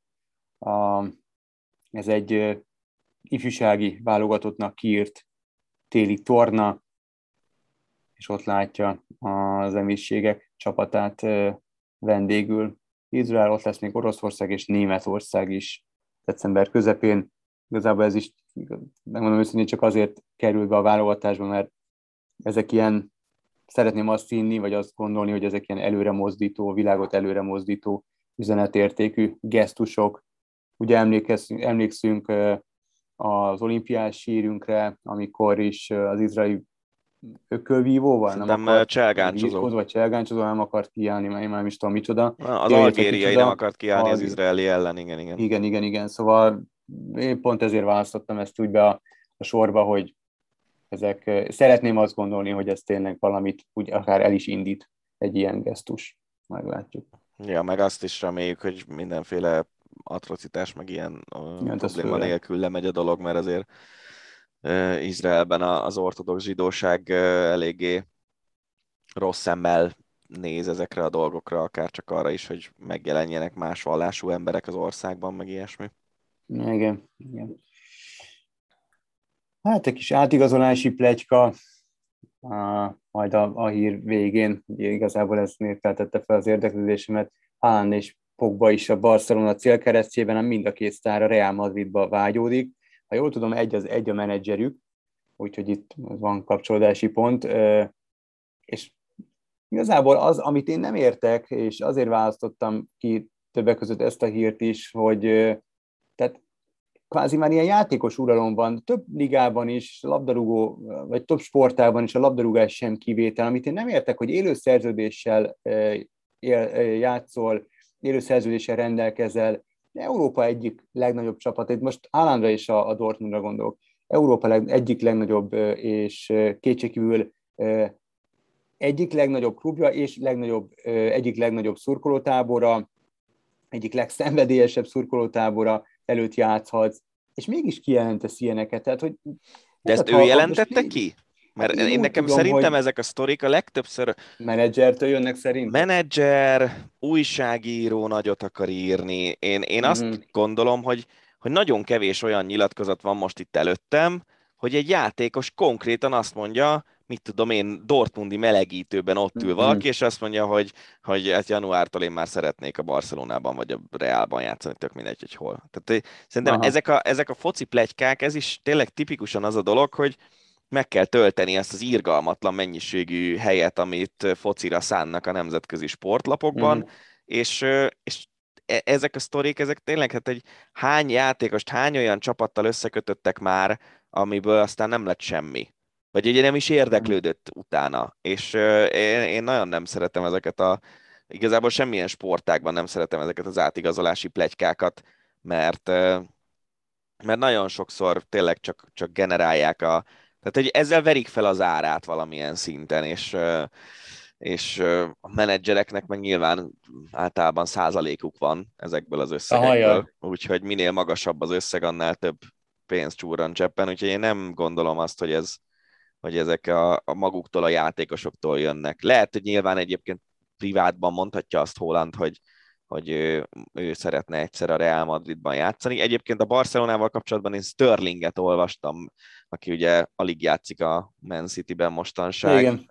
Meg, meg nem tudom már, hogy kit. De hát a Barcelona most nem tud lényegében nagy, nem. nagyon megfizetni játékosokat, úgyhogy Úgyhogy igen. Szóval szerintem ezek Mino a Rájola ezek... a menedzser amúgy. Tessék? Ő nagy franc. Mino Rájola a menedzser, ja, az, az olasz Ibrának is ő a menedzsere, nagy szájú, minden ájjal megkent dörzsölt menedzser, úgyhogy igen, gyanítom, hogy akkor van abban valami, amit mondasz, hogy ez, ez valószínűleg tőle érkezik, és, és bizony ő azért szeret jó pénzeket keresni egy-egy ügylet során, és általában meg is keresi Igen. azt az ügylet, azt a pénzt.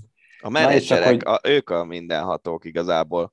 Igen, lehet, hogy ők a nagy Kerékpársportban például az összeveszett a Movistar vezetője egy, az egyik top menedzserrel, gyakorlatilag egy teljes csapatátalakításra volt rákényszerülve, mert a csapatának egy jelentős része ennél a menedzsernél volt, és onnantól kezdve mindenkit átvitt a, a, a legtöbbet az Ineosba, de egy csomó versenyzőt máshova.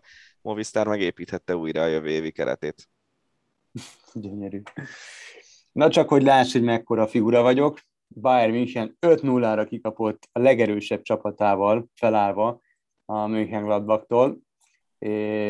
Én megmondom őszintén, otthon voltam, lébecoltam ezt, azt nem tudom, tettem, vettem, és csak úgy jöttek oda a livescore eredmények, és addig tudod, ránézek, 1-0, ah, mondom, vezetünk ki, kettő, nem, azt, ami három, ó, mondom, potyognak a gólok, harmadiknál azért megnéztem, ott nem volt valami egyértelmű, 3-0-ra ég, égett a Bayern és nem tudom, eltelt a, nem tudom, nem az első fél időben a négy volt a különbség, nem, nem is emlékszem, de azt hittem, kiesik a telefon a kezemből, mondom, biztos B csapattal játszunk. Rámentem, mindenki ott volt, aki létezik, tényleg a legerősebb belállásban, mondom, mi az Isten, és hát jó nagy zakóba futott bele a csapat, és nagyon bírom Nagelsmann, csak annyit mondott, hát mi is emberekből vagyunk, úgyhogy becsúszik az ilyen. Hát amíg csak bebecsúszik, addig nyilván jobban elnézik. Meg lehet egyébként, hogy a ezt a, a német kupát áraszta be a Bayern ezzel a Lehet. teljesítményével, Lehet. hogy ez mennyire fontos nekik. Így van. Um, tehát tudom, hogy, hogy foci menedzsereztél te is, én is, én, én, én imádtam, és uh, irgalmatlan időt tudtam elcseszni PC-n még, még korábban a főiskolás korom alatt a, a foci menedzserre, és volt a Kieran Dyer, aki nekem ilyen ő, meg, meg Pablo Aymar, meg Joe Cole voltak azok, akiket mindig minden csapatomban megvettem mert még fiatalok voltak, és tényleg úgy érszerűen meg lehetett őket venni, és irgalmatlan jó teljesítmény nyújtottak. Na, és tegnap olvastam, hogy Kieran Dyer, vagy amikor gyűjtögettem a híreket, hogy Kieran Dyer májátültetésen kell, hogy átessen. Az Ipswich, Ipswich Town 23-as csapatának a szakmai irányítását, irányításáért felel, 42 esztendős, még mindig csak, és hát van valami komoly betegség, ami miatt elkerülhetetlenné vált ez a, ez a beavatkozás. A Dyer részre csak annyit reagálnék, hogy nyilván jobbulást kívánunk neki, és nem akarok nekiállni azon agyalni, hogy a máj betegségét mi okozza, mert nem Nem tudjuk. hiszem, hogy igen, tehát nem... Igen. A másik része a dolognak a foci menedzserezés, az egy nagyon, szerintem a mi generációnk ö, számára, akik szerették a focit, az egy ilyen kötelező program volt. Tehát én emlékszem, hogy valamikor még talán 99 vagy 2000 karácsonyára kértem ilyen foci menedzser játékot a szüleimtől, és így megkaptam, és kb. az volt, hogy meg kellett várni, míg megvacsorázunk, mire elindíthattam a játékot, és tudod, ez az ilyen őrült várakozás. Hát akkoriban még nem az volt, hogy így nem tudom, letöltesz valamit a telefonodra, és akkor elindul egy perc múlva, hanem akkor még fölinstalálod, meg mit tudom én micsoda, uh-huh. lassabban mentek a dolgok ilyen szempontból. De hát imádtam menedzser játékozni, és egyébként mindig a, az volt a taktika, hogy a, a brazil U21-es válogatott játékosait mhm. gyűjtögettem jobbról, balról, és ezek elég jól is játszottak egy idő után általában. Igen, igen mondom, én, én Joe Colt innen ismertem meg, mondom, ezzel a szimpla névvel, hogy lehet valaki ekkora zseni, és minden csapatomban ő volt a legjobb, és, és rengeteget lehetett, hát most azt mondom, hogy tanulni ebből, de számunkra, sportkommentátorok számára borzalmasan hasznos volt az a játék, mert hogy hihetetlen know-how-val tudtad felvértezni magad, és nagyon nagy rétű ismeretet szedtél magadra csapat, meg összeállítások, meg játékosok. Igen, szintén. én arra emlékszem, hogy most nem akarom megnevezni, hogy melyik kolléga, labdarúgó kommentátor mondta azt, hogy, hogy akkor állt le a foci menedzserézéssel, amikor adásban egy olyan átigazolást mondott, ami a menedzserjátékban történt meg, nem pedig a valóságban. és, és igazából így simán el tudom képzelni, hát tudod, így most is olvassuk a híreket, meg nem tudom, simán el tudom képzelni, hogyha benne vagy valamilyen játékban, és akkor azt látod, hogy Pogba Manchesterből Barcelonába igazol, és akkor elmondott, hogy egyébként Paul Pogba is nem sokára már a Barcelona színeiben. És, és nagyon, nagyon vicces szerintem ez a sztori önmagában. Az az. Az az. Na hát, ha már még, ha elkezdtél nevetni, akkor ezt folytatni fogod. A brazil legfelsőbb bíróság bűnösnek találta a FIFA-t, mivel illegálisan használják a sorfal távolságának kijelölésére használt habsprét.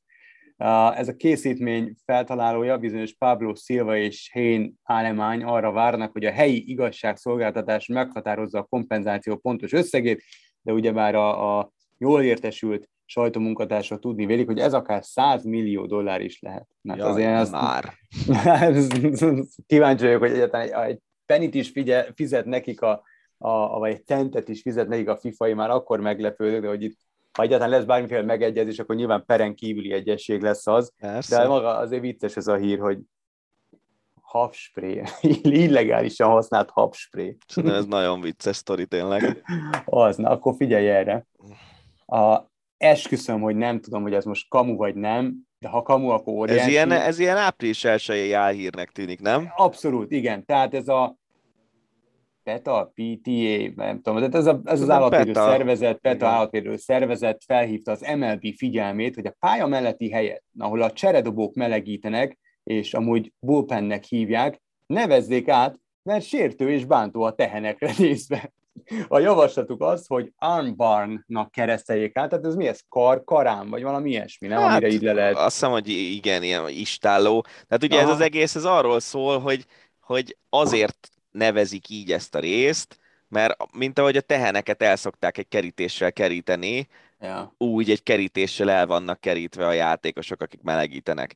Hát ezt a baromságot, én komolyan mondom, tudod jól, hogy én, én nagyon támogatom azt, hogy, hogy senkit ne sértsen meg senki más, meg ilyesmi, de tegye már meg valaki, hogy mutat egy darab állatot, akinek rosszul esik az, hogy ez a bullpen név az, az a közszájon forog. Tehát szerintem Amerikában én ab- abszolút azt gondolom, hogy nagyon sok vívmánya van annak a MeToo-tól indult, és akkor a BLM-en keresztül futott, vagy futó ilyen PC kultúraváltásnak, ami, ami Amerikában lefutott, de hogy átestünk a ló túloldalára ott, ebben egész biztos vagyok.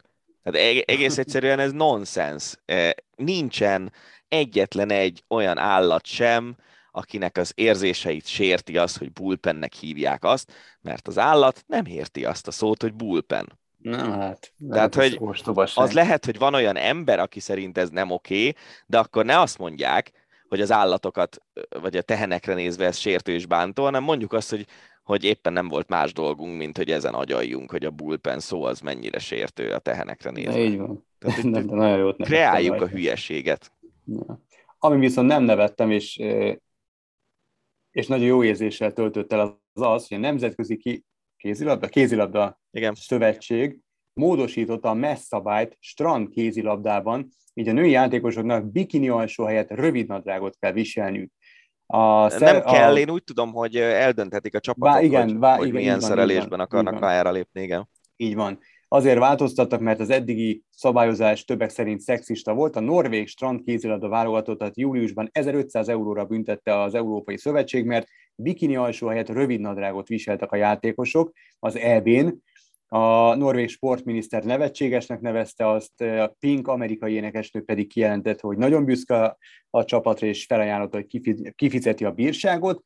Dánia, Finnország, Izland, Norvégia és Svédország miniszterei szeptemberben arra kérték a Nemzetközi Szövetséget, hogy vizsgálja felül a szabályt nemek, nemek közötti egyenlőség összhangjában. A módosítás után úgy rendelkezik a szabálykönyv, hogy a női játékosoknak a testükhöz szorosan illeszkedő rövidnadrágot és felső részt kell viselniük, a férfiak is hordhatnak rövidnadrágot a mérkőzéseken, de nem túlságosan bőt, és legalább 10 cm a térkalács felett kell, hogy végződjön. Én azt nem értem, hogy egyrészt szerintem a strand röplabdában is nyugodtan ráhagytatnak a lányokra, hogy mit viselnek, mit nem, hogy ha van a terem kézilabda, és ott mindenki elfogadja, hogy a lányok rövidgatjában és hát nem testhez simuló nadrágban és nem testhez simuló pólóban játszanak, akkor a strandkéziben mi az anyámért nem szerepelhetnek abban? Tehát miért, miért kell ráerőltetni, csak azért, semmi másról nem szól az egész, csak arról, hogy nők, hogy tapadjon rájuk a ruha, és hogy nem tudom, nézőcsalogató legyen, vagy az anyám kinyer, nem tudom miért. Szerintem, és tényleg nagyon nagy tisztelő vagyok a női nemnek, szerintem ez tényleg szexizmus, ez idiotizmus, nem is szexizmus. Hogy nem Igen, tudom, tehát, miért kell megmondani? a szövetség élén hoznak egy ilyen szabályt, nem ettől fogják nézni többen ezt a sportágat, ettől csak kényelmetlenül érzi magát az, aki kényelmetlenül érzi, érzi magát. Ennek semmi értelme nincsen. Mint ahogy azt sem értem, hogy, hogy a férfiaknak miért nem lehet, a, miért nem érhet a térkalácsáig a gatya. Most lehet, hogy sportban ez, ez őket ott, ott hátráltatja, de érted, most már kosárlabdában is akkora gatyát hordanak, amekkorát akarnak.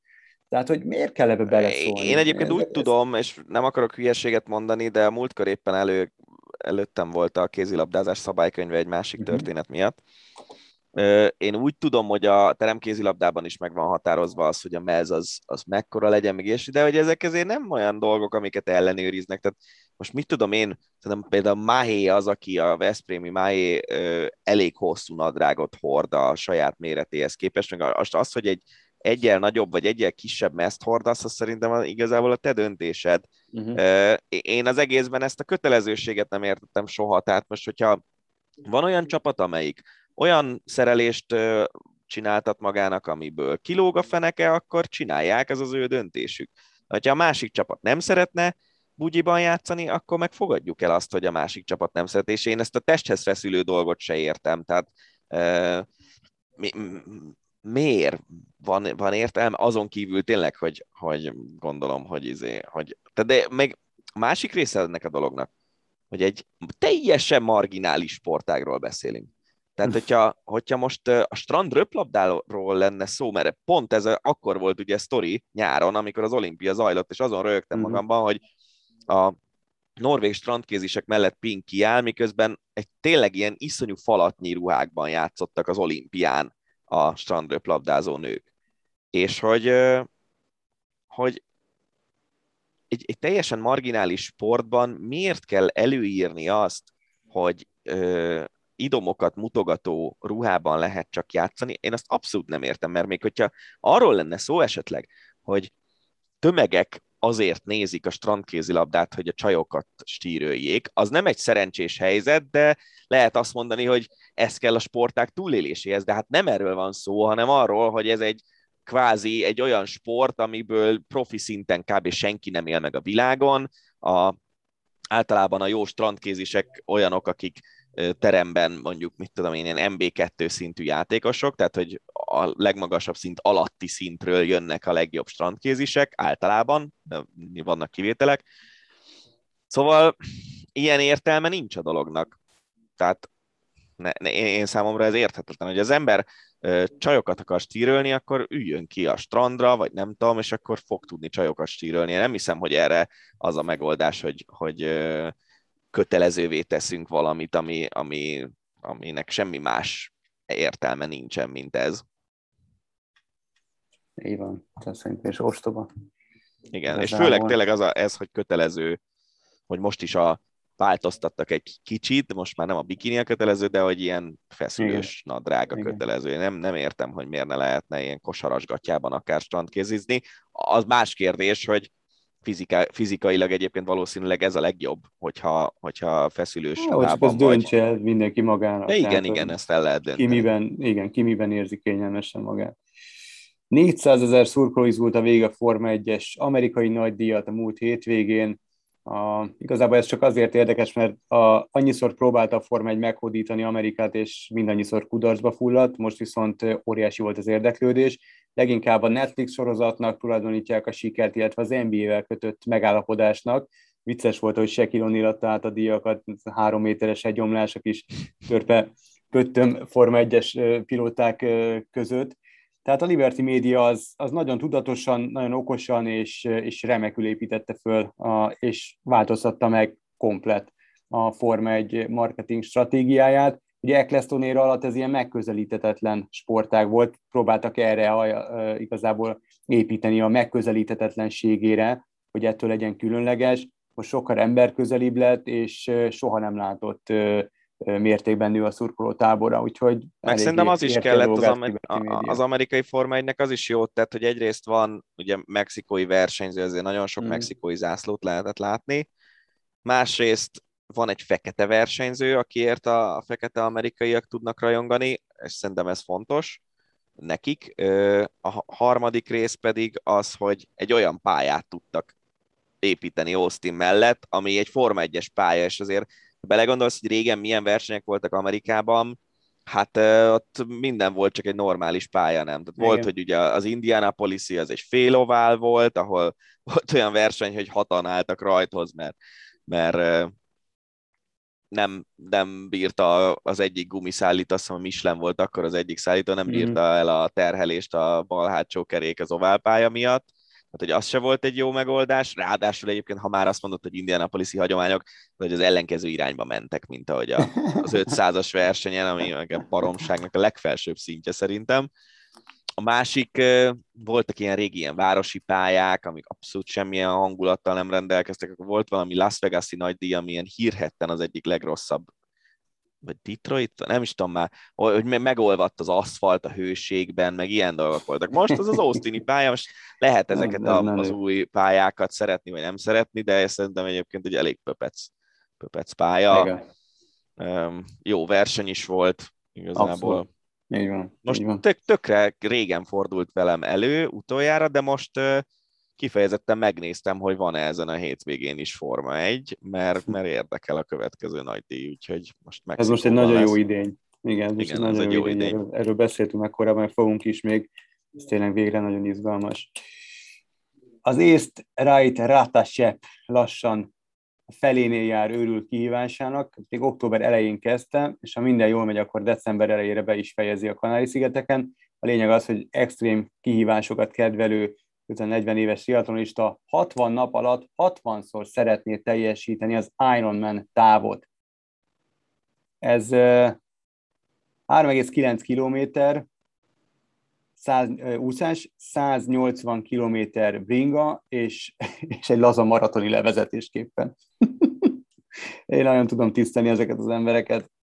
Hát nem tudom, azért nekem mindig az jut erről eszembe, hogy valami nem stimmel az ő életében, hogyha ez a hobbija vagy ha, ha profiként csinálja, akkor is azt mondom, hogy ez, tehát, hogy milyen edzés, felkészülés kell ehhez, és aztán maga a 60 nap, és biztos vagyok benne, hogy ahogy Walter Atiék mesélik, akik, meg azok a kerékpárosok, akik három hetesen indulnak, hogy a harmadik hét végére meg kb. nem csinálsz semmit, tehát annyira a regenerálódásra koncentrál a szervezetet, hogy, hogy szinte tényleg csak fekszel, és, és nyomkodod a telefonodat maximum mm. mennyire vagy képes.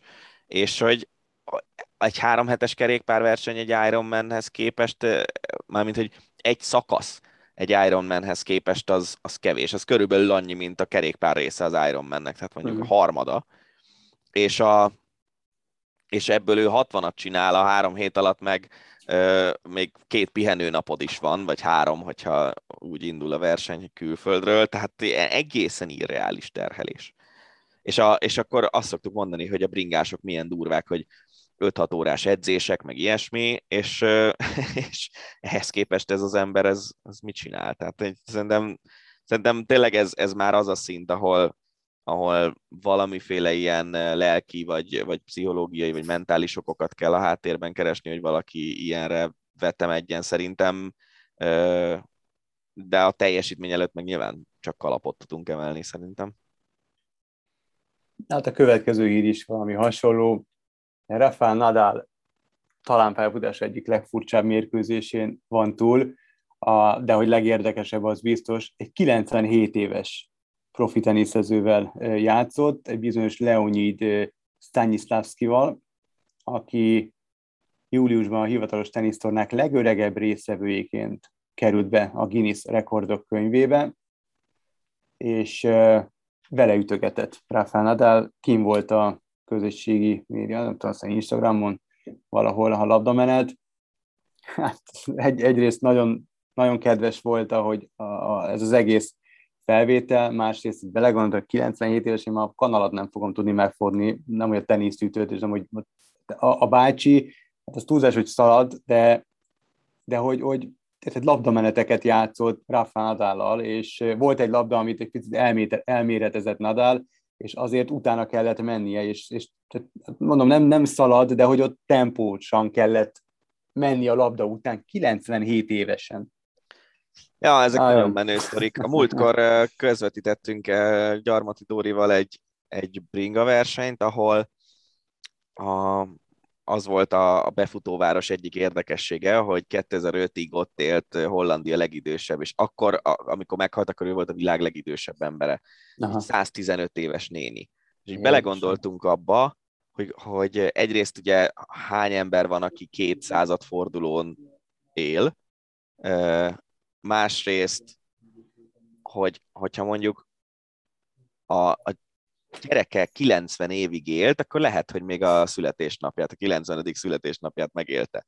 Tehát ezek annyira durva számok, főleg manapság, amikor most ugye tavaly megszületett a kislányom, és így azon gondolkoztam, hogy hát én biztos, hogy az ő hogy az ő unokáját már nem fogom ismerni, mert, mert egész egyszerűen ugye uh-huh. itt, jobban szétnyíltak a, a generációk egymáshoz képest, hogy mikor szülnek az emberek, és hogy ahhoz, hogy mondjuk én tétszülő legyek, ahhoz 90 évig kéne élnem, ami valószínűleg nem jön össze, és, vagy nem, nem is vágyom rá őszintén szóval, de ez most egy másik kérdés, és hogy, hogy e, az, hogy ilyen életkorban még teljes életet tudnak érni emberek, meg hogy, hogy tudnak sportolni, tudnak aktívan mozogni, azt szerintem egy iszonyatosan jó dolog. Gyanítom, hogy ezt tartja őket többnyire életben, Biztosan. de tényleg nagyon, nagyon kedves sír. Biztosan. Hát is ez... Tök, tök érdekes volt, bocsánat, csak annyi, hogy, hogy Gianfranco Casper, aki a Nemzetközi Síszövetség elnöke volt sokáig, és hát én úgy emlékszem, hogy 84-5 évesen uh, halt meg most a, a nyáron, gyorsan ezt megnézem, de hogy milyen életek vannak, lemondott a, a Nemzetközi Síszövetség vezetéséről, és néhány héttel később meghalt, és tényleg szinte a, nem, nem az egész életében, de hogy azért egy nagyon régóta volt ő a, a síszövetség vezetője, 75-től volt főtitkár, és utána elnök 2021-ig, és, és hogy mint hogyha az emberek, emberből így a, a, a, az ő életének a műve az ezzel véget ért, hogy, hogy ő lemondott az elnöki posztról, és tényleg egy hónappal később meghalt, de 77 éves volt egyébként, nem 80 valahány. Ez is nagyon érdekes, hogy hány ilyen történet van, hogy, hogy valami mm, mondjuk meghal, meghal egy idős bácsinak a felesége, és akkor néhány hét meg hónap után ő is megy utána, hogy, uh-huh. hogy, hogy ez tök érdekes szerintem, hogy az ember így működik, hogyha neked van valami az életedben, ami nagyon fontos, akkor, akkor ha már az nincs, akkor már te se akarsz tovább élni, Igen. és ezt a szervezeted így kezeli le. Igen. Na, hát egy picit eltértünk itt a, a fővonulattól. Ugyanakkor ezek, ezek, ezek szép hírek, meg, meg jó hírek, úgyhogy ilyen pozitív hangvétellel meg pozitív hírek után búcsúzunk. Ennyi volt erre a hétre az Ácsi, jövő héten is jövünk számunkra érdekes hírekkel. Úgy gondoljátok, hogy van hozzáfűzni valótok, vagy, vagy küldenitek be híreket, amelyek érdekelnek benneteket, illetve az is érdekel benneteket, hogy mi mit fűzünk azokhoz a hírekhez hozzá, akkor küldjétek el megfelelő platformokon, megtaláltok bennünket. Köszönjük szépen, hogy velünk voltatok, és jövünk jövő héten is. Rédonát és Farkasvölgyi Gábor hallottátok. Volt a Hosszabbítás, az Eurosport podcastje. A műsor témáiról bővebben is olvashattok honlapunkon az eurosport.hu.